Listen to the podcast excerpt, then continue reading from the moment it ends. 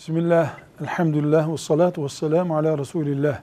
Müslüman mezara da girse, uzaya da çıksa, denize de girse, suyun altına girse, havada uçsa Allah ile beraberdir.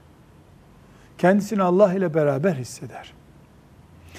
İki, Müslüman şeriatını temsil eder. Bulunduğu yerde Allah'ın şeriatının varlığı için bulunan insandır. Dolayısıyla haramlardan bir haramın alenen işlendiği bir toplantıya, davete katılamaz Müslüman.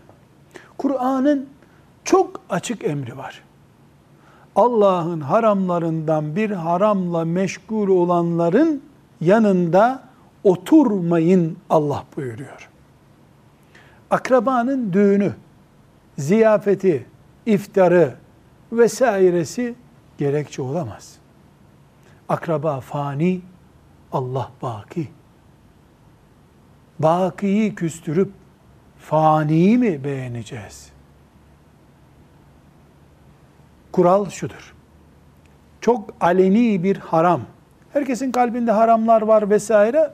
O ayrı bir konu.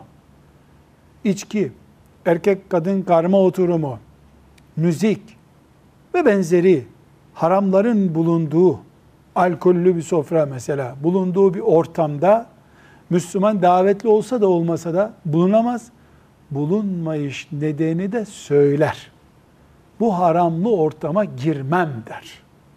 Küserlerse çok iyi olur. Çünkü Allah razı olacak bundan. Velhamdülillahi Rabbil Alemin.